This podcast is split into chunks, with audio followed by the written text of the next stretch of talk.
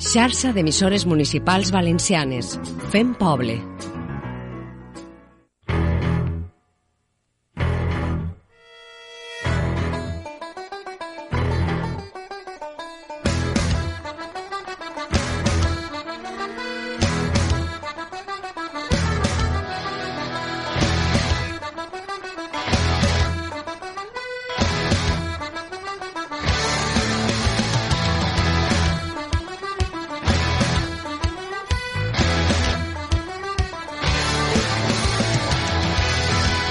Cinèfils i cinèfiles, molt bona vesprada. Gràcies per sintonitzar la vostra emissora de la xarxa o estar escoltant Ràdio Godella o també les nostres plataformes digitals 24-7 disponibles per gaudir d'estos minutets de cinema i sèries que vos proposem cada setmana.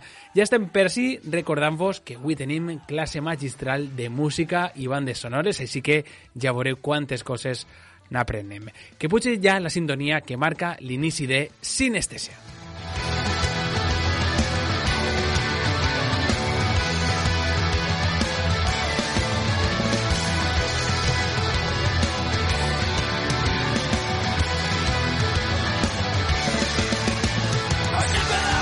Què tal, eh, Lluís? Com estàs? Estàs Hola, preparat? Pablo, molt bé. els, eh, la carpeteta, el carpesa, no? Eh, molt preparat i predisposat per a aprendre moltíssimes coses de bandes sonores, que és una cosa en la que no domine i que sempre que ve Alba, la veritat és que m'apunta un muntó de, de referències i de coses, així que eh, he de donar-te pas, Alba, benvinguda.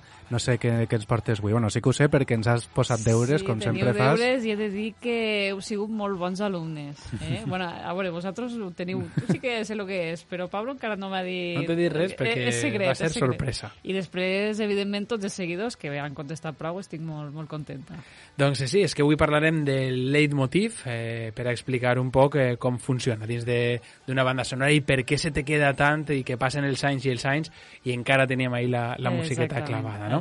Doncs eh, després, eh, en aquesta segona part de, del programa, escoltarem a Alba. Abans, evidentment, amb el micro obert per a parlar de qualsevol cosa que comentem. Anem-nos en, eh, Lluís, a, a l'actualitat. A on, on anem? Mon anem, oh, tant de bo, mon anarem sí, físicament fins allí, però mon anem fins a Berlín, ni més ni menys, a passar fred, allí ha de fer ara un fred que, que pela, però anem a fer igual que molts eh, membres eh, de l'audiovisual valencià durant estos dies, perquè allí s'està duent a terme un dels festivals de cine més importants, però l'avançala que és eh, igualment important, el mercat audiovisual de la Berlinale.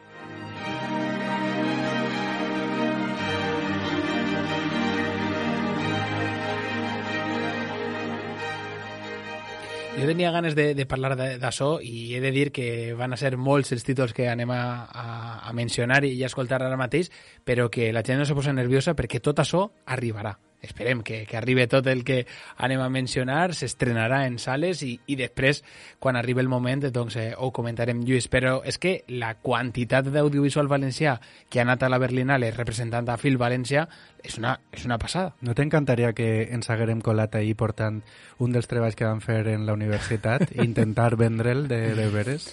Me donaria prou, prou vergonya. Sí, de fet, ara mateix de pensar-ho ja me- m'estic Te posant. fa vergonya una cosa que no ha passat. Que no ha I passat. que no podria passar tampoc.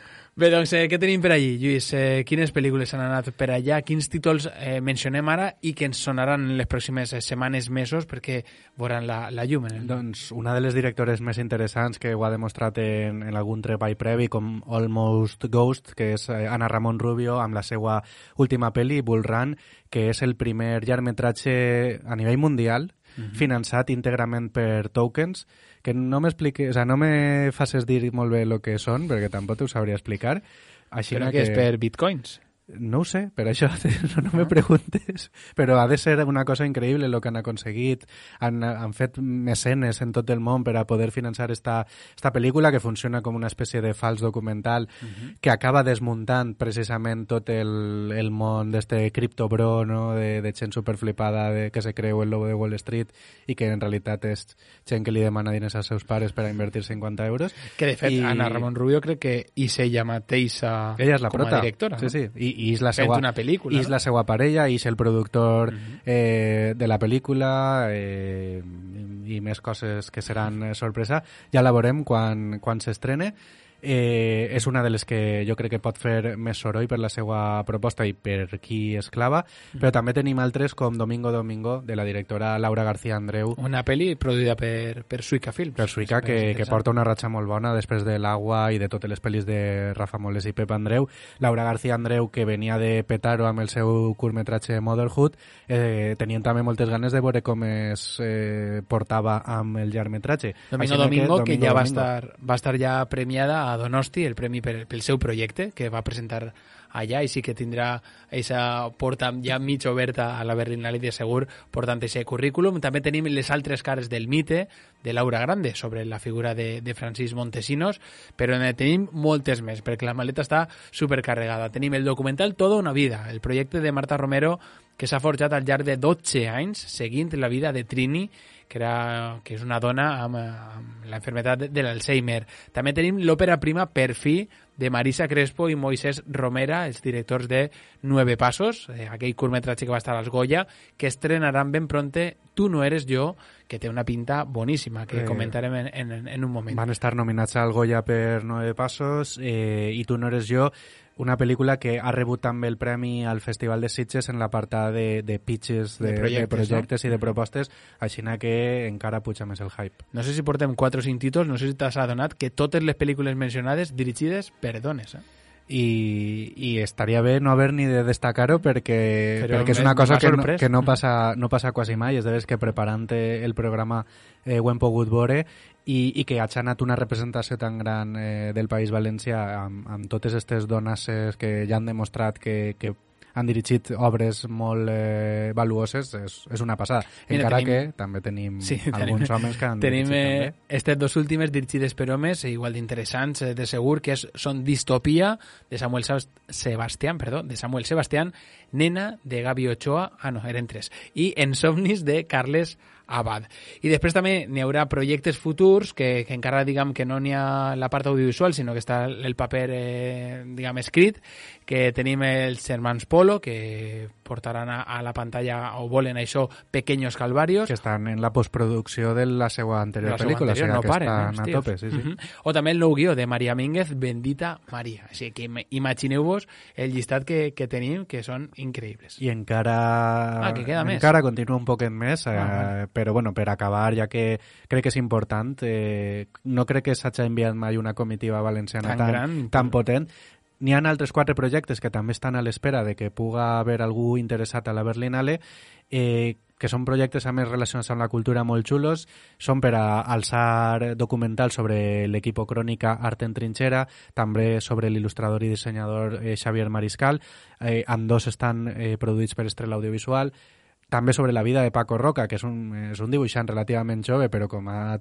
tingut ja tant d'èxit, Premi Nacional del Còmic mm -hmm. i de més, també se li vol dedicar un documental, Paco Roca dibujando la vida, i per últim, Laura Pérez Gómez i Rafael Casany, que busquen alçar el projecte de Un dibujante en La Habana. Tu creus que Paco Roca comentarà en aquest documental que fas quan va estar així l'any passat? Jo crec que, de jo fet, el documental anirà així, no? sobre els nervis previs a vindre a sinestèsia i després tot el que li va suposar tot i, canviat, i tot el que... Sí, és com la gent que se'n va a la Índia i se troba a si mateixa, jo crec que per a Paco Roca segurament va ser vindre així. Així és. Gràcies per corroborar-me meu, la meva idea, la que, que tenia sí, segur, segur. Bé, doncs, eh, fet este repàs, que com dèiem és un repàs molt, molt xulo, eh, saber que, que tenim tants eh, professionals eh, treballant per, per l'audiovisual valencià i que estaran de segur en primera línia quan, quan arribi el seu moment, doncs eh, és un goig eh, donar este, este llistat i, com dèiem, el continuarem de, de ben a prop. Ens n'anem a les estrenes en esta segona part del primer bloc d'actualitat. Eh, avui ens aturarem en un parell de títols que, que creguem interessants i que, de fet, els hem vist els dos, cadascú un d'ells, així que farem també una xicoteta crítica de, de cadascun. El primer d'ells ens trasllada a Irlanda. Ens farà conèixer la història d'una xiqueta reservada. How long should they keep her? Till after the baby? She can't they keep her as long as they like. Wel, ich er an galin sa. Siasamach, go dar y mes blech y cartart. Can work her. She'll head you out a house and home. Esta te toca a tu, però de quina pel·lícula estem parlant? Perquè és una pel·li que ha donat molt que parlar en estos, en aquestes últimes setmanes. Una xiqueta reservada, doncs és The Quiet Girl, és el títol que d'esta pel·lícula que s'estrena esta setmana, una òpera prima de Colm Byred, que me flipa que les òperes primes sempre arriben a, a primera línia i en este cas dels Oscar perquè estarà en, com a millor pel·lícula internacional, o sigui que una, una passada. Ens trasllada a l'Irlanda rural dels anys 80, la vida d'una jove de 9 anys que viu dins d'un nucli familiar totalment desestructurat, a més molt nombrós, amb moltes eh, germanes i algunes altres que, que venen pel camí, no li fa avançar en classe per, per tot allò que, que viu al seu dia a dia, eh, doncs, eh, va molt, molt lenta a l'hora de llegir, de relacionar-se, el món extern doncs, eh, eh, li, li senta mal, eh, diguem que, que no li fa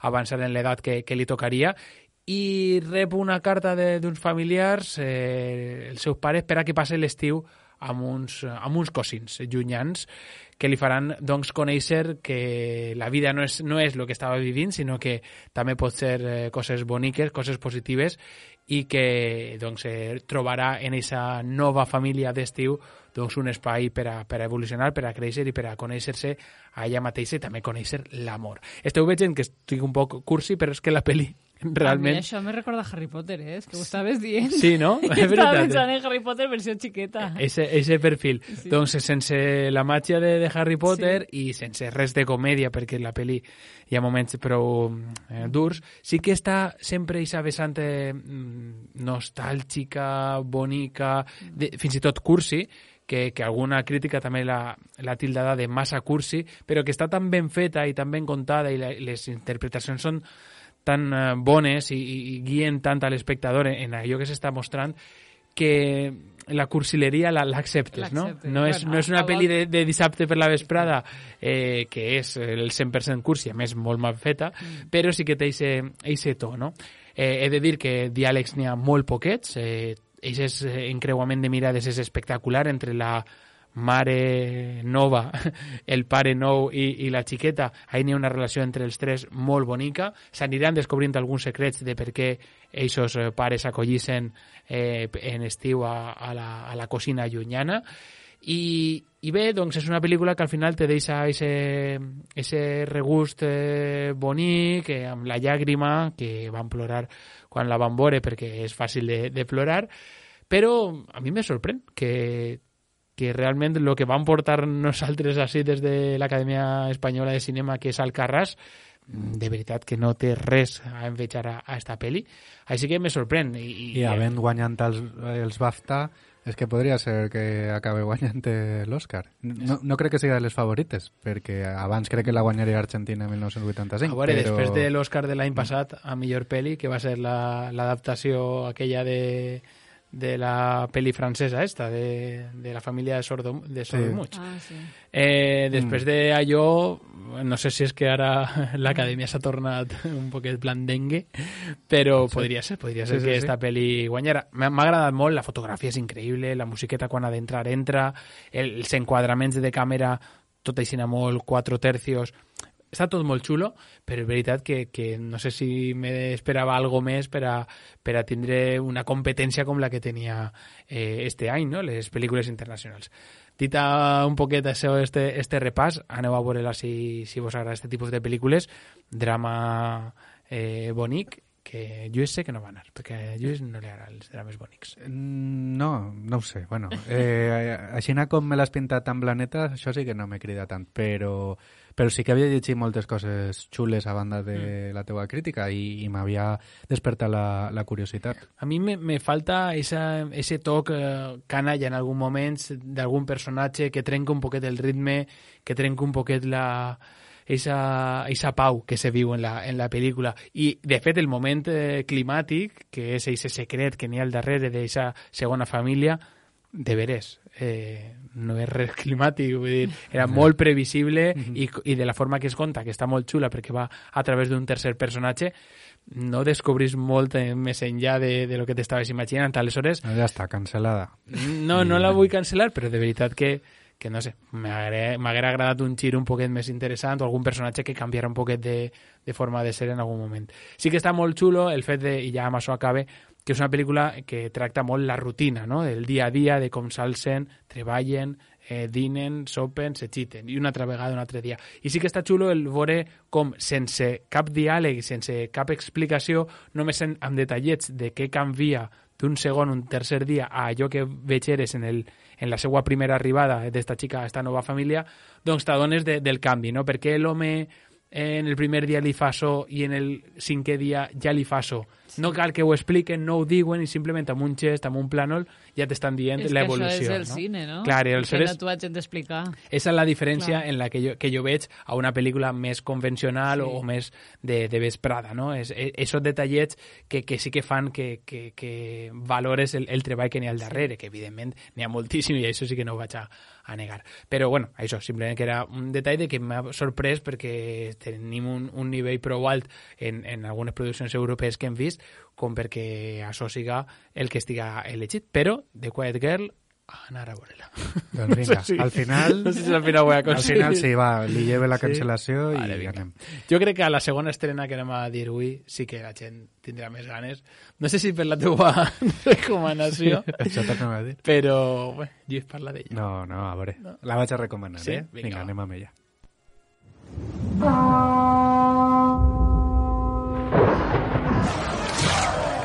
Tu padre hizo lo que debía para proteger a los nuestros.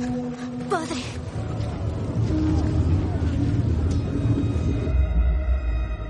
Cuando yo no esté, tú cuidarás del valle. Prométemelo. Muchacho, tendrás que ser fuerte para ser señor del valle.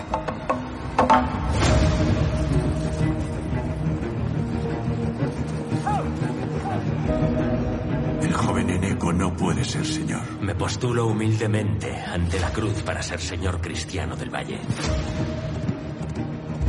¿Quién es? Lucia.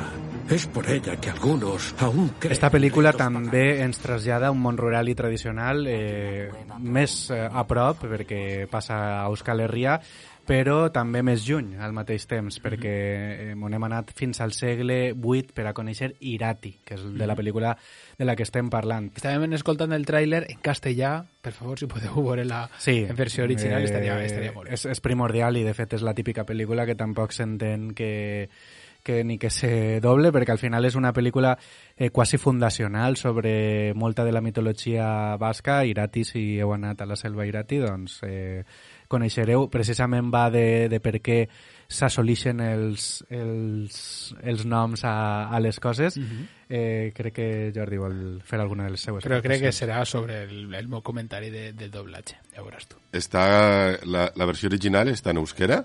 Sí, clar. Ah, val, val, val. Per què? Ah, Eh, no, no, no, res. Eh, perquè pensava que, com has dit que no sabies per què es doblava, Ah, no, no, perquè, pensava que és que perquè n'hi ha pel·lícules com a que requereixen encara més. Vull dir, esta pel·li és una pel·li profundament eh, basca. Ja, però pot estar... Igual està doblada, però igual també te la pots veure la subtitulada en versió original, no? Sí, però normalment aquestes pel·lis, eh, jo la vaig veure a Sitges i estava en versió original, al País Basc se podrà veure en versió original i segurament en eh, altres cines de l'estat espanyol Mhm. directament arribarà la versió doblada. És de veres que si encara sou de la resistència de Netflix, la pel·li s'estrena este 24 de febrer, depèn de quan esteu escoltant el, el programa, el 24 de febrer s'estrena a Netflix i supose que vindrà en tot el pack complet, la versió Ah, ara, original. i... ara els que ens hem quedat a Netflix, La què, eh? resistència, se diu Eh? així, no ho sabia. Eh? En qualsevol cas, eh, cas vull dir que si haver estat rodada en castellà haurà sigut una bona idea doblar-la per actors de doblatge. Això és el que volem. Ahí, eh. Però a més en basc, doblada en actor de com, doblatge basc. com ha dominat el tempo per acabar, Per dient acabar, la, eh, arriba, el missatge. Eh? com els polítics. Bé, doncs, eh, Lluís, contant Va. Irati. Vinga, puc fer segurament la, la crítica menys professional des de les crítiques de Carlos Bollero, perquè crec que mm, és la primera pel·lícula en totes les temporades de Sinestèsia que no puc dir que he vist el 100% d'ella. Però crec que... Però no està relacionat amb la seva qualitat. No, no, no, no. Està relacionat amb la meva qualitat. concretament. Eh, la vam veure a Sitges, ja sabeu que Sitges és un, un, són uns dies pues, molt carregats d'emocions de, i, de, i, de, i, de, i de coses a, a viure. Van viure moltes experiències, la nit d'abans, sobretot. Amb Macarena Gómez. I, i clar, eh, jo vaig arribar a Irati a les 9 del matí eh, en unes condicions eh, precaríssimes i, i vaig dir, jolín, va ser la millor pel·lícula del festival i vaig estar ahí aguantant tal, però crec que en alguns moments pot ser que mm, me perguera alguna escena. Uh -huh. Però vaja, que el que vaig veure... Això és el context, però sí. després, anant a la pel·lícula... No, no, no. Eh, el 89% que veig eres... És de veres que és una pel·lícula que, que està cuidadíssima. És, és, és una... Quan veus aquest tipus de pel·lícules, és, és, jo sempre dic com seria la pel·li valenciana sobre això? Una pel·li de deberes digna que parle de les nostres mitologies, que puga ser, mm. jo que sé, Tombato Sals o El tirant lo blanc o qualsevol història I tractada... No tracta, perquè... Exacte, tractada en un mínim de, de decència. És una pel·lícula preciosa, eh, visualment una passada, la direcció de fotografia és impressionant, les localitzacions, eh, el vestuari... Té algun moment on s'evidencia la falta de pasta, vull dir que si s'haguera fet en més pressupost pues encara seria millor, però crec que és una pel·li molt digna, a més, molt atrevida, perquè parlar d'una llegenda tan concreta, pel·li rodada en euskera, sabent que això molt del mercat eh, té tancar a les portes, i, i una pel·li amb un ritme molt pausat, és una, és una pel·li eh, que encara que els centres són un, un, uns humans, al final també parla molt de la natura i de aquesta relació tan xula que té l'euskera amb les seues paraules, no? que les seues paraules volen dir coses concretes de la natura, de la llum, de la lluna, de les muntanyes. I és una pel·li que transmet tot això. Crec que és una, una pel·lícula única i molt difícil de veure avui en dia a l'estat espanyol algo així, però ve d'un director que és eh, Paul Urquijo, que ja venia de fer algo així amb Errementari, que jo crec que després podem parlar un poc de la idiosincràsia del cinema basc eh, mitològic i, i llegendari, perquè tenen unes quantes pinzellades que són molt xules. Doncs eh, molt interessant, eh, a més, eh, Lluís ho ha descrit eh, molt bé, aquest ambient que, que se viu a, a Irati, però Lluís, eh, tu saps de cinema, però és que n'hi ha una persona que mos seguís i que seguim, no, no. que sap molt més de cinema. Eh, se les ha vist totes, i segur, totes. segur que quan escolteu el programa ella se l'haurà vist dos o tres voltes Irati, o sigui que... De fet, esta setmana trau a la llum una nova videocrítica al seu canal i hem volgut eh, que ens enviara un àudio, que sempre ens encanta que el Peliculitas, que ja va participar amb nosaltres eh, l'any passat, doncs eh, ens, ens comenta que li va aparèixer Irati perquè crec que és una de les seues pel·lícules favorites, com ho són quasi totes les que, les que veo, la verdad. Hola amigos de Cinestesia, cuando vi Irati en Siche salí emocionado y estasiado por lo que acababa de ver. Irati es una carta de amor al fantástico más puro donde caben batallas, monstruos, brujas y leyendas vascas. Porque si algo está haciendo Paul Urquijo es contarnos cuentos, porque es un gran contador de historias y lo hace de la manera más artesana posible, como ya hizo su anterior película de Rementari. Irati es una romántica, es romántica en el sentido más cinéfilo de la palabra y nos remite a clásicos de la fantasía medieval como Ivanhoe o Excalibur. Una película imprescindible. Muchas gracias cinestésicos y hasta la próxima. Doncs moltes gràcies a tu, el Peliculitas, el nou sabeu. vídeo al seu, al seu canal. Se, perquè... Seguiu-lo a Twitter, arroba misterpeliculitas, mm. eh, les pel·lícules del Peliculitas al seu canal i també Fantàsticamente, que és altre projecte que compartix. Per cert, de dir la banda sonora, hem de comentar-la estant així, Alba, perquè és que Maite Arrota Jauregui i Aranzazu Calleja han tornat a fer-ho, ja se coronaren a Maquelarre i de nou estigueren als Goya, però és que ja no només eh, les nominacions, els premis, sinó que és que esta banda sonora podeu escoltar-la a casa i, i us va a transportar allà on vulgueu.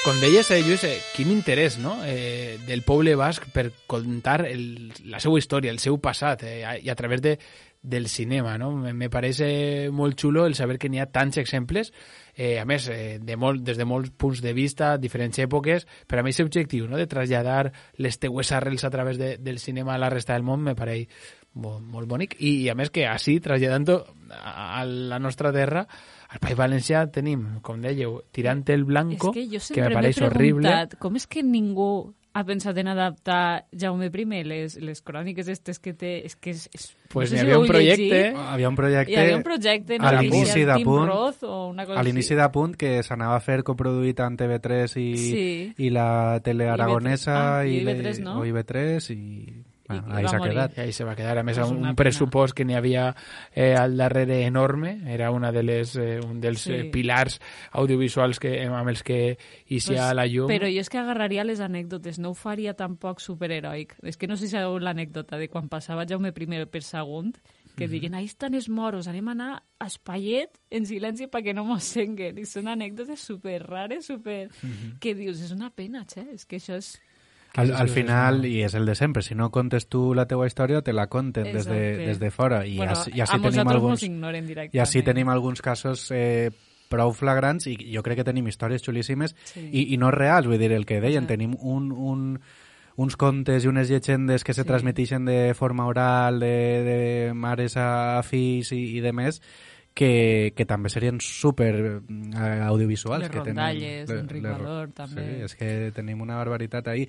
La cosa és que, bueno, no és cap secret que l'audiovisual basc és molt més potent, sí. molt més fort, i a més eh, van tots a una... Quan se tracta de contar aquestes històries, doncs la gent respon. Al final en població són molts menys que nosaltres, però diguem que que eixa geografia tan pròpia que tenen tan particular ha fet que se preserve més Sí. mm, tot i que, i que se miren més cap a, cap a ells, no? Home, és que també tenen més amor propi. Sí. Home, és que el que deies, si no contes tu les teues històries, te les van a contar des de fora. I, de fet, n'hi ha exemples. Eh, en el CID, Anthony Mann va vindre als anys 50 a contar aquella superproducció Peníscola. a Peníscola, eh, però és que després ha vingut Madrid a fer-te la sèrie, la sèrie amb Lorente, que era prou... Lorente? Sí, eh, Això què era? El xic este de Chove, que Sí, sí. fa de... Die- Diego Lorentes? No, no sé què és No, Lorentes. no, no sé, la veritat és que no sé com es diu ell. el Bueno, xico. sí, els Borja... Eh, El Borgia, Els també. Borgia. Eh, la Neil part de- Jordan, Neil Jordan, que va fer la Sí. sèrie, la bona, i després eh, va haver una altra també així amb Lluís Omar, crec que, Ah, que era... sí, el- la pel·lícula aquesta que l'han fet més d'una volta en apunt. Però bueno, de totes Sí. maneres, tirant eh, lo blanc era de Vicente Aranda, que és valencià, vull dir que també bueno, eh, però- de vegades no sempre Sí, però això bueno. vol dir... Això no vol dir eh, No. res positiu. Bé, eh, simplement, eh, Lluís, comentar eh, breument.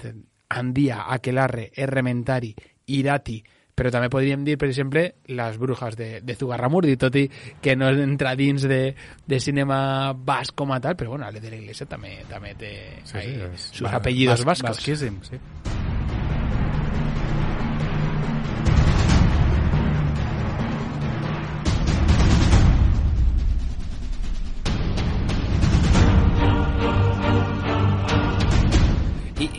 La trilogia del Baztán, també de Dolores eh, Redondo, a nivell literari, però portat a, a la pantalla també en, esa, en esa trilogia audiovisual, eh, amb El Guardián Invisible, que també tenia esos tons eh, Sí. no sé, mitològics, màgics, no? Sí, al final, moltes llegendes eh, se formaven per a encobrir, en este cas, jo que sé, ac- activitats humanes un poc sectàries o diabòliques, satàniques, però sempre hi havia unes llegendes per a justificar eh, assassinats eh, en sèrie que podien ocórrer, no? com és este cas de que mescla eixe thriller, que al final és tot, eh, sempre els dolents som els humans, no? però com la, precisament l'inventar-se llegendes per, per ficar-ho de barrera com serveix per a que molts jocs tinguen eixa aura màgica o eixa aura de maledicció sobre, sobre ells i el, la vall del Baztán i el País Basc que té, bueno, el País Basc, Navarra que tenen estos paratges tan impressionants crec que se presten molt a, a fer aquestes coses tan llegendàries. I, de fet, eh, buscant informació sobre la trilogia del Baztan, m'ha aparegut la pel·lícula que jo no coneixia, Baztan, com a tal, uh -huh. que va ser el mateix any que, que se va estrenar la primera novel·la de Dolores eh, Redondo, i no sé si per això va quedar un poquet eh, ahí oculta o perquè, bé, doncs, eh, la qualitat no, no és la, la que toca, no, no la conec, però sí que me pareix interessant la, la història perquè, a més, parla dels agotes. Uh -huh. Els agotes és el eh, se parla en la, en la, en la sinosi de raça, a mi m'agrada dir més el, el poble del nord de, de Navarra, doncs que per el seu físic doncs va ser eh, marginat i, i tractat com si, com si foren eh, fills de, de Satanàs, pues perquè doncs, eh, tenien una, eren baixets, així, doncs, algun, algunes faccions que, que recordaven pot, pot ser a, en aquells moments a, a algo relacionat a, amb el món eh, més de, diabòlic i que fins al present doncs, han sigut sempre un poble marginat i me pareix interessant perquè també és una altra part del poble navarro euskera que, que està ahí contada no? en, una, en una altra pel·lícula a més eh, ubicada en el mateix eh, lloc que aquesta famosa trilogia com és eixe, eixe riu, no? eh, el Baztan. Eh, bé, simplement per, si, per si vos interessa buscar-la o si us interessa el món del País Basc, que de segur que n'hi ha més títols, però és que a més els títols que hem anomenat, llevant d'este últim, és que són de, de primera fila. Són, són una passada. Aprofiteu per a, per a veure'ls si, si no l'heu vista. Eh, ja sabeu, Irati, Arrementari, Andia o Aquelarre són propostes estupendíssimes. Doncs ja, ja hem arribat al moment, a la meitat d'este programa. Lluís, no sé si estàs preparat. A... No, sí? segurament no i anem... tinc por de suspendre. Vinga, doncs anem a fer-nos un control no sorpresa amb Alba Montoya i aquests leitmotivs.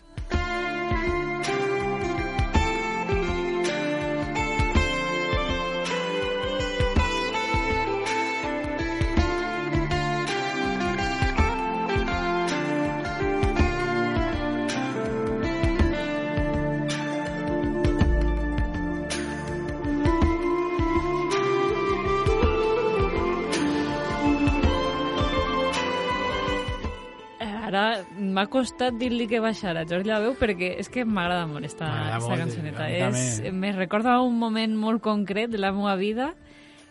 Lo que passa és que a vosaltres igual eh, vos recorda alguna cosa diferent. Què, què sentiu quan penseu esta cançó? Quan sentiu esta pues, cançó? Jo pense en Evia.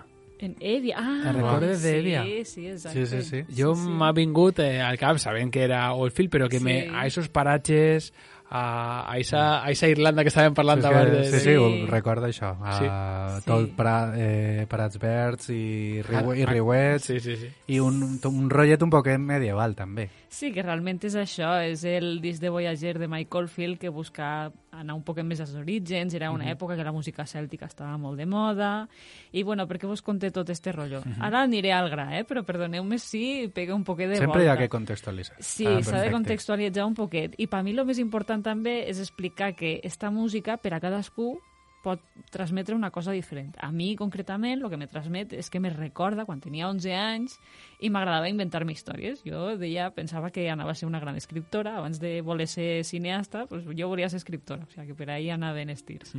I esta música m'inspirava molt, me la posava una i una altra volta i gràcies a ella escrivia coses. Ara, si ho llegirà, m'avergonyaria molt del que escrivia en 11 anys, però bueno, en aquell moment me pareixia mm, una música fascinant.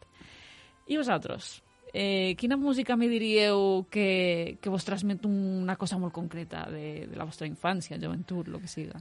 Doncs jo, bueno, ja te vaig dir, eh, com sí que hem rebut moltes respostes que te duen a, vo Sí. a bola de drac i este Sí. tipus de coses que ho entenc perfectament perquè al final és el que també ens defineix molta part de la infància.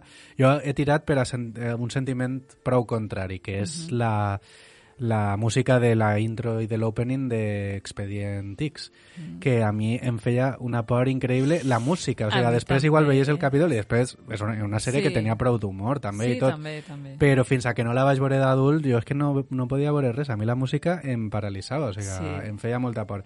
I era molt recurrent perquè als meus pares els encantava i la veiem molt i tal. I sonava molt a casa i jo no podia dormir, o sigui, fins... Li vaig agarrar com...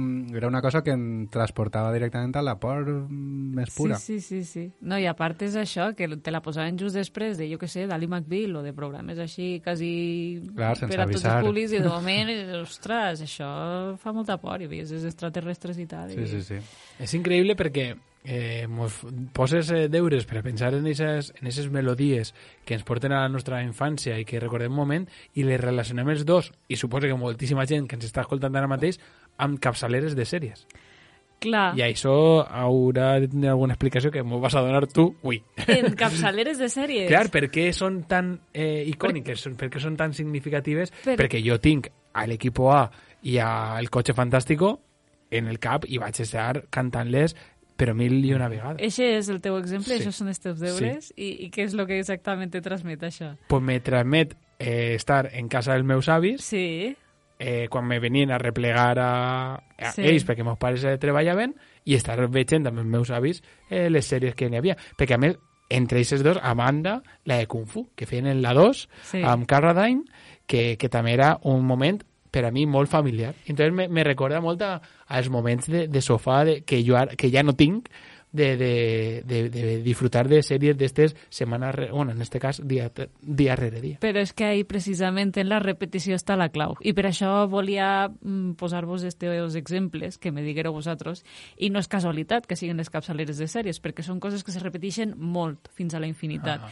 I això és una de les característiques del leitmotiv, que te l'han de posar unes quantes voltes abans de que tu sàpies que això és el leitmotiv de Fuenganito o de, jo que sé, o de la Força, o de Superman, o de lo que siga. Necessiten primer introduir-te aquest leitmotiv i dir-te, escolta, este leitmotiv està associat a això. I per això les capçaleres al final s'han convertit, per exemple, en els leitmotivs de la nostra infància, perquè ho hem escoltat repetidament, repetidament, repetidament, i al final ho associem directament. Cadascú, segons la seva generació, pues, seran unes capçaleres diferents. Per exemple, crec que hi havia algú en Twitter que mos deia Digimon. A mi Digimon no me diu res, perquè ja és com una generació que venia després. Mhm. I no sé si tenim més exemples de què mos ha dit la gent. Doncs eh, sí, tenim uns quants. Eh, hem preguntat, eh, per exemple, per, per Instagram. Eh, parlem primer d'ells i sí, també escoltem uns quants. El primer, per exemple, Alba Zip ens deia això.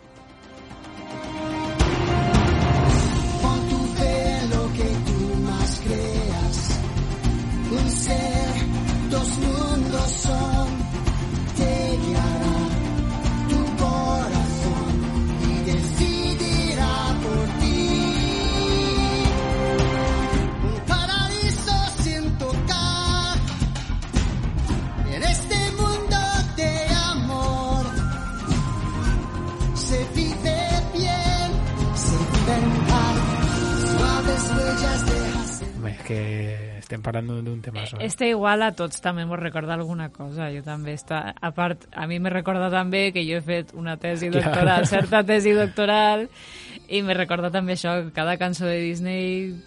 Clar, me recorda la meva infància, però també me recorda aquest moment de fer la tesi, que això serà un altre programa. Sí, però que és curiós, no?, que com pot eh, traslladar-te als 8 and 9 anys o també als eh, 20 eh, i pico, 20 i 30, pico, no? sí, sí, sí, sí. Eh, tenim eh, més exemples, este era el d'Alba Zip, eh, podem escoltar, tot i que ja el coneixeríem, el d'ET, ens ho diu Pauan eh, 17, eh, també tenim eh, palabras... Eh, no, tenim una altra, Surfing US- USA, de Purdy Alba, perquè diu que estava obsessionada amb eh, Teen Wolf, però anem a escoltar una que no és exemple de, de pel·lícula, que també me pareixia Això està curiosa, bé, sí. perquè és Palabras para Julia, eh, la cançó de Paco Ibáñez, que ens ho diu Vistiplau, i que a més molt curiosa eh, es, deu, es deia que, que se la cantava eh, sa mare eh, per, per a dormir i aleshores suposa que ara sempre que l'escolta ja la versió de Paco Ibáñez o totes les que s'han fet doncs eh, li recordarà aquest moment interminable,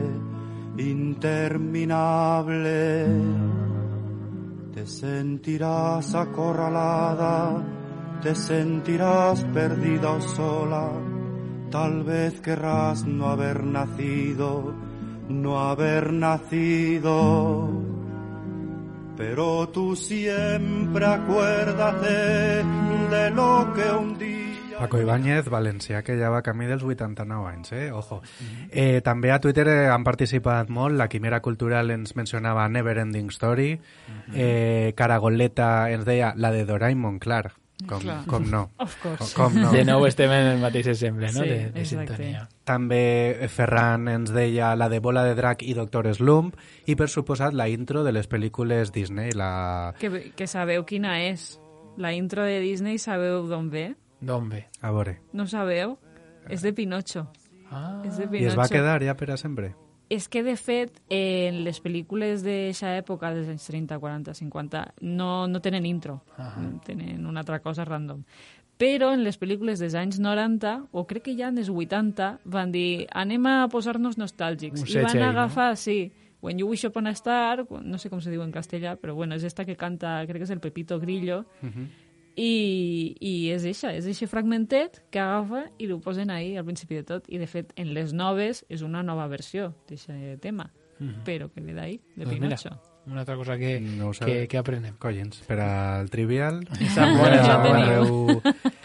Eh, també eh, Words. Words, Words, Words ens deia la intro de Digimon, que ha mencionat Alba, Escandriu, eh, la de Sherlock Holmes, però la de dibuixos animats, no sé si la recordeu, una sèrie ja antiga, eh, la intro també, Laura Zafón, la banda sonora de Regreso al Futuro, The Power of Love, eh, Bea, eh, In a Persian Market de Ketelvi, que li la posava la, mes la mestra de música, i diu, In a apa- Persian Market. i diu, apareix al cine? Doncs sí, en La maldició de l'escorpión de Mira, Jade. mira, ha fet els Mare deures de meua, tot, eh? mare meua. en ep- Ara m'ha vingut a mi, m'ha desbloqueado a mi també. Eh, pues Un- mira, de- D'estar assajant en la banda. La, en la Persian Market, Doncs mare mira, meua. Bea Carbó des de les Illes, sempre presente. Gràcies, Bea. Pronom eh, telepàtic ens diu la cançó de la intro de Malcolm in the Middle, també una treserion que feia el tridente perfecto junta Simpson i Futurama, era segurament Sí, La la millor prèvia de la, del món i les companyes de Terrible Visió diuen, crec que esta cançó és la definició d'infantesa de molta gent, My Girl. Eh, pues sí, o- òbviament. Sí, sí. Moltíssimes gràcies a, a totes i tots els que heu participat i ens heu ajudat. És una llàstima no poder escoltar-les totes, però és que si no, Sí. deixem Alba sense secció. Sí, és una pena. Moltes gràcies. Però sí, jo crec que vos heu fet una idea, no?, de lo que dèiem, d'eixa repetició tenim nosaltres mateixos en les nostres vides, tenim eixos leitmotivs. Per tant, resumint, molt resumidament, què és un leitmotiv? Consisteix en relacionar una determinada melodia a un personatge, situació, evocació, i té com a objectiu vincular una música i un argument. Això d'on ve? Això, molta gent diu, això és Wagner. Wagner va, se va inventar el leitmotiv. No, no s'ho va inventar ell. Això ja existia. Leitmotiv, que no sé si heu vist algun vídeo de Jaime Altozano, que ell també li agrada Mhm, molt sí. parlar de Sí. bandes sonores, de leitmotivs, i ell mateix ho explica. Pues, leit significa en, en alemany guia i motiu, pues, el motiu guia, el motiu que te guia Mhm. en la música, i és un concepte que Wagner el que va fer, diguem, és popularitzar-lo. Ell volia fer l'obra d'art total i la manera de poder seguir aquests arguments, aquestes òperes tan llargues que eren tetralogies, molt abans del Senyor dels Anells pues, ja hi havia aquestes tetralogies de Wagner i la manera de poder entendre millor aquesta història era a través de la música. I bé, quins usos podem fer en el leitmotiv? Pues, com deia, podem associar idees. Per exemple, eh, com ja vos deia al principi de tot, crec que vos ho vaig dir, no sé si en la primera classe anava a dir jo, en el primer programa, Sí, sí. Eh, la música en si no té ni imatges ni significats, però sí que poden crear-se aquestes idees a posteriori. Ara vos posaré una melodia i m'heu de dir a veure si sabeu de què és o de qui. No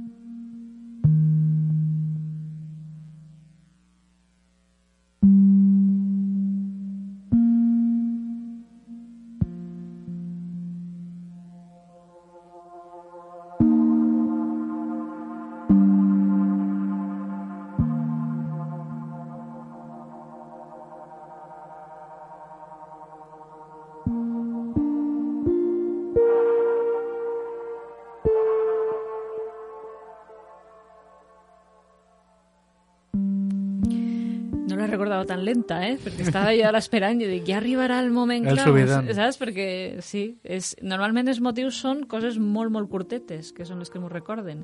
Mhm. Sabeu de què és? Jo no, perquè no he vist la sèrie. Ah, perquè no has vist la sèrie, però saps ja que és una Clar, és el primer pas per a... És el primer pas És per el primer per a- pas, bueno, exacte. Però Lluís sí que ho sap. Sí que sap. Està relacionat amb Eleven. Eh, sí, en Stranger Things, efectivament. Esta és la melodia que se posa al costat d'Eleven.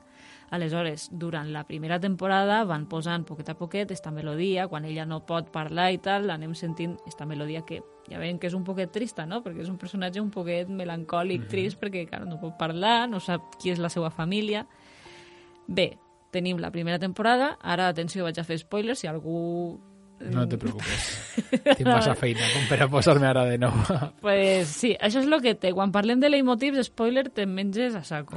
Però bueno, jo normalment parlo de sèries que ja estan un poquet passadetes, que no són massa recents. Pa... La segona temporada de Stranger La Things segona temporada- va ser fa 70.000 anys. Exacte, pues se No passa suposa que Eleven ha mort. Aleshores hi ha un moment en què un personatge està pensant en Eleven i com ho fem? Posem esta melodia al seu costat. Per tant, ja no és només associar idees, sinó un record. Un leitmotiv se converteix en un record. Ja no has de dir que eh, el xiquet està pensant en ella, sinó poses esta melodia en la mirada perduda i dius, estava pensant en Eleven. Ja està. Me pareix brillant. És Mhm. cine, això és Perquè, cine. Clara, jo sempre he pensat que estos leitmotivs, escoltant també al Tozano, com, com deies Sí. en, en els seus vídeos de, de YouTube, que treballa més el leitmotiv en el subconscient que en la pròpia consciència, perquè, Exacte. perquè a mi que Harry Potter tinga una melodia sempre associada a, a ell, o Hermione, És que, que encara és un secundari, sí. i que cada vegada que apareix, o que si no apareix estem escoltant això, quan està veient una pel·li, me pareix que que requerís el seu, la seva investigació, el seu treball eh,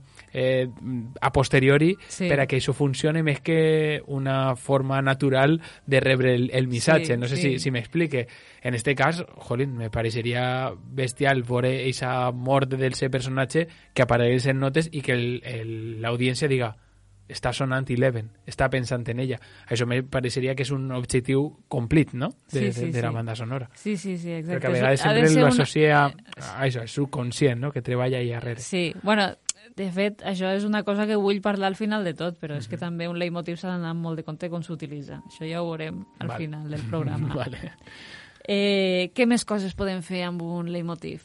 Eh, veure com evoluciona un personatge. Un leitmotiv és molt versàtil, perquè realment al final moltes voltes són només unes notes, val? com per exemple el tiburon. Però en el cas del tiburon no evoluciona. És el, el dolent de la pel·lícula i així continuarà. Per tant, és una música amenaçant. Bueno, una música, un motiu. Són només tres notes.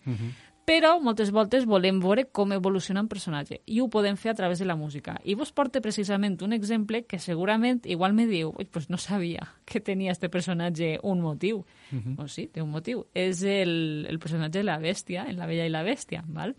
Eh, se tracta d'un motiu molt, molt senzill que fa ta-ta-ta, ja està. I al principi sona molt amenaçant i a partir d'un punt comencem a veure que aquest personatge igual no és tan roi o té sentiments o el que siga i va suavitzant-se. Anem a escoltar-lo, no sé si podrem escoltar-lo tot, però almenys el, el principi l'anem escoltant per a veure eh, eixa evolució del personatge. Shining Castle. Although he had everything his heart desired, the prince was spoiled, selfish, and unkind. Pulsed by her haggard appearance, the prince sneered at the gift and turned the old woman away. But she warned him not to be deceived there.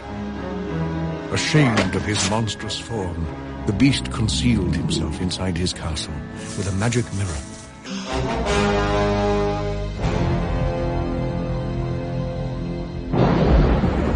No, no, no. No what the master will do it here. I demand...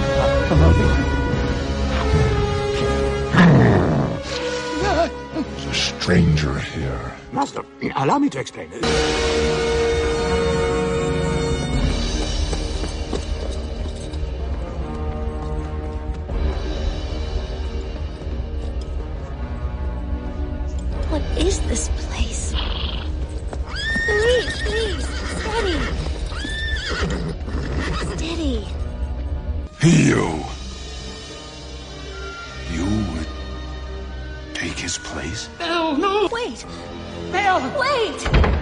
Sé si ho heu notat o Sí. com teniu el nivell d'anglès, perquè és tot en anglès, però és just en el moment este en el que ell pregunta tu t'intercanviaries pel teu pare, en aquest moment ja se comença a gestar aquest canvi. El Mhm. fragment que vos he portat és molt més llarg, és durant tota la pel·lícula, Mhm. Però aquí ja comencem a veure aquest canvi. Ja no és un monstre amenaçant, fins ara hem vist tots aquests moments, pues, quan arriba ell al castell, quan arriba el pare, quan el tanquen la presó, etc etc. i és sempre un motiu amenaçant, que quasi com el de Tiburón, que vos deia abans. Però a partir d'aquest moment comencem a veure altres instruments, eh, aquests violins, que sona més suau, i d'esta manera sabem que aquest personatge no és tan monstruós, sinó que igual hi ha una persona darrere d'aquest monstre. Doncs... Va, és increïble, sí, sí, estava, estàvem percebint-lo com, com anava canviant. Sí, sí, s'anava xulo. I Però- és que no és un leitmotiv tan evident com, Exacte, com no és- altres que has Trenot, mencionat. trenot. De fet, en esta pel·lícula dona molt de sí perquè té molts motius i, a part, té les cançons, que les cançons fan que pugues escoltar de manera, diguem, més enfàtica eh, aquests motius. Per exemple, el motiu de La Bella i la Bèstia l'anem escoltant durant tota la pel·lícula, de manera que quan sona en la cançó, tu ja l'estaves esperant. Tu ja dius, ai, ja, per fi ha arribat. Sí, Això sí. és una cosa molt xula que passa en alguns musicals que te van com ficant a poc a poc aquest leitmotiv i després tu ja l'esperes. En canvi, hi ha altres pel·lícules que a mi, per exemple, m'encanta El rei León, però a nivell de leitmotiv és més pobra, perquè no, no hi ha aquesta vinculació entre les cançons i el que se diria, diguem, la música de fons, aquesta música que no està en primer pla. És que Hans Zimmer, com és, eh? Però és que no és culpa seva. No, no, sí. Perquè ell no feia les cançons, ell només feia la música de fons i, d'altra banda, estava Elton John que anava fent les cançonetes. Però bueno, que també té el seu interès, la banda sonora. De segur. Sí, Algun sí, dia sí. mos ho duràs i, Sí, i sí, aprendrem sí, sí. molt.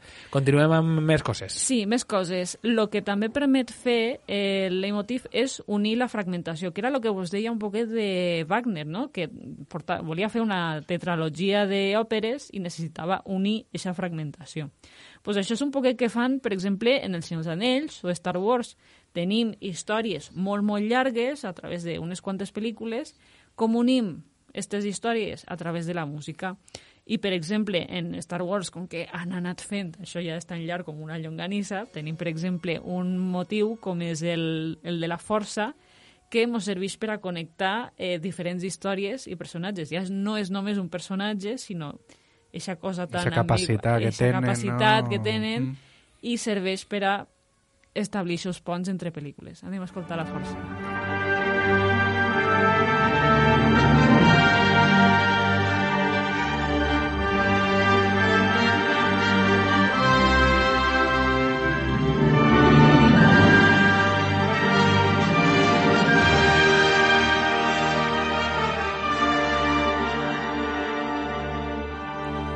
Bé, i anem ja a l'últim apartat, que seria unir personatges i o conceptes. Ara vaig a destripar-vos una altra sèrie que també està prou passada, entre Sí, cometes, lo la passat de Sherlock. Ningú parla d'ella ja. Exacte, Sherlock de la BBC, val? el capítol en què eix la dona, entre cometes, que és Irene Adler, que és, diguem, el primer personatge que posa entre les cordes a, a Sherlock, no? Aleshores, eh, durant tota la, tot el capítol eh, estem preguntant-nos què passa entre estos dos personatges, si hi ha tema o no hi ha tema. Bé, la música mos ho diu. Primer mos presenta Irene, anem a escoltar el tema d'Irene.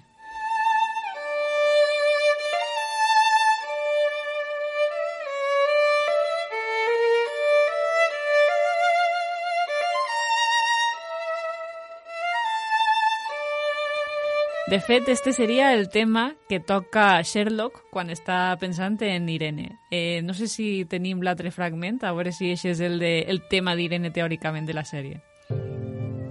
Eixe és, efectivament.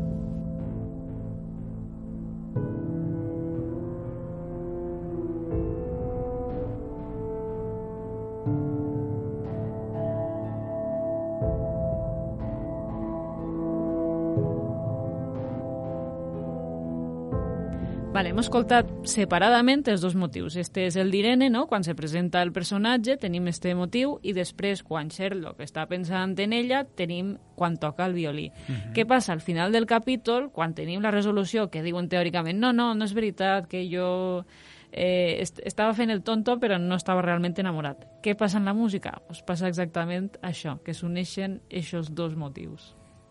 Després podem escoltar els motius de...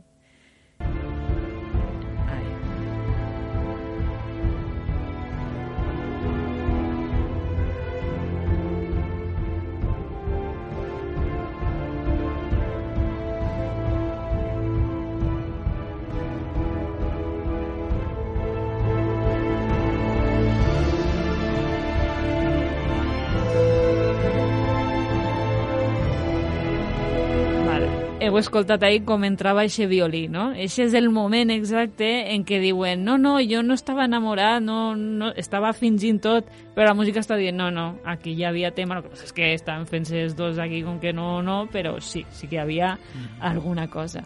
Per tant, la música... De punta, eh? Pes de punta, saber que la música va per davant de la va consciència. molt per davant. De, de fet, això també hi ha un altre vídeo de Jaime Altozano que en Perdidos mos estan fent un spoiler d'algú que morirà. Saps? Si l'escoltes abans la banda sonora que veure el capítol, no ho facis perquè t'està fent un spoiler. Altra cosa és que sàpies el que t'està dient la música. Sí, o podria haver passat que així, si no se planifica o no se tal, no, no fas esta unió i, i la percepció podria ser Exacte. una altra, o tampoc canviaria molt gran la història, però te perdries Mm, però se perd molt, és matisos. que moltes voltes quan l'estàs veient tu no te n'adones, però quan fas l'anàlisi dius, ostres, però això m'ha agradat tant, Clar, clar, perquè a- està a molt això ben me referia jo, no? que necessita aquest anàlisi i aleshores me pareix preciós quan aquest anàlisi no és requerit, eh, diguem, per professionals eh, eh, hores i, i dies després, sinó que és a l'instant, no? Sí. El, el que Que tu t'adones ahí durant l'audiovisual que estàs veient. És que és una cosa instintiva i el leitmotiv realment és una cosa que igual conscientment no t'enteres del tot, però sí, sí que te va entrant a poc a poc. I realment és una cosa que si vols ho pots agafar. Que guai, pues ara vaig estar superatent, eh? a tot el bueno, no te patisques perquè anirem donant més exemples. El leitmotiv l'anirem treballant, Vale. treballant més, entre cometes. I ja per últim, desavantatges. Anda, venia. El leitmotiv també, si te passes un poquet, com és el cas de Superman, encara que és del gran John Williams, jo ho sent molt, però ja se fa un poquet poc cansino. pesat. Embafa, embafa un poquet, no? Embafa, Un poc embafa.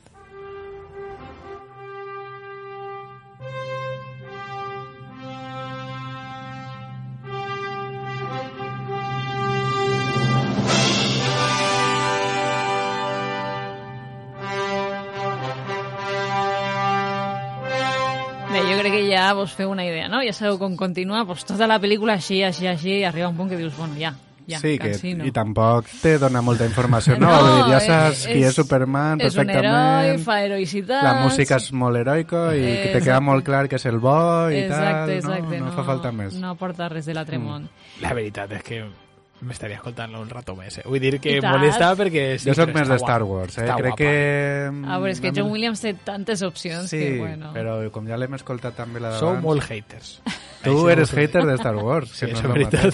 Ah, bueno. I de Stranger Things. Eh, Alba, moltíssimes gràcies, perquè De ha res. sigut, de veritat, com sempre, un plaer aprendre tantes coses a, amb tu i a més exemples tan, tan clars que, que no ens havíem eh, adonat en cap moment i que els dus així com algo super, super evident i ara dona, donen ganes de tornar a veure per a, per a donar-nos compte de tot això. Moltes gràcies. Eh? Te esperem en un mes, no sabem ja que, que, quin tema serà, però així estarem Mm, oberts a, a Sorpresa aprendre. per a tots, per a vosaltres i per a mi. Molt bé. Molt bé, doncs eh, cançó final, Lluís, per a acabar el programa. Doncs ens acomiadem amb Que grande és el cine de La Granja. Ens la recomana Ferran BD, que també ha participat abans en lo de Leitmotiv, o sigui que Ah, és bé, eh, Ferran. ara mateixa la millor persona, el millor seguidor i, i tot. Moltíssimes gràcies. Eh, Ferran, amb, amb esta cançó ho deixem una setmana més. Nosaltres tornem, doncs això, en set dies estarem eh, amb el programa número 16 ja, eh? Mare meva. I no vull dir ja el total, perquè el total s'apropa ja a aquesta xifra de 300. Que molt rodoneta, eh? Jo espero que algú m'ho faci un homenatge, un carrer en Godella o algo. Sí, o, o la peli de 300 de Zack Snyder amb les nostres cares eh, integrades en els papers protagonistes. O en la Berlinale, que algú vaig a... Sí, quan se vaig a De donar la el premi, Carla. Carla Simón, que és la, és la gran jurada de- d'enguany, Que crec que molt mencionat. Ho té en ment, eh? Vale, vale, Me- me consta. Moltes gràcies a totes i tots, eh, especialment a Alba de nou eh, per estar així i ens escoltem eh, ben pronte. Aprofiteu estos dies per a veure bon cine i bones sèries. Moltes gràcies. Adeu. grande es el cine y qué grandes todas las actrices. Es un gran guiño. Unos son marionetas y otros tiran